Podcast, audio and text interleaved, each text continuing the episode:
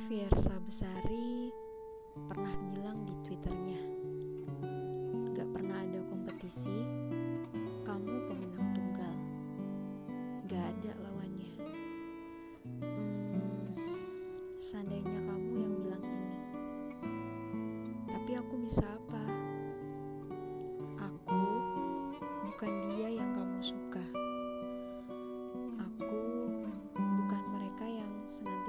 berada di dekat kamu, terang-terangan menyukai kamu.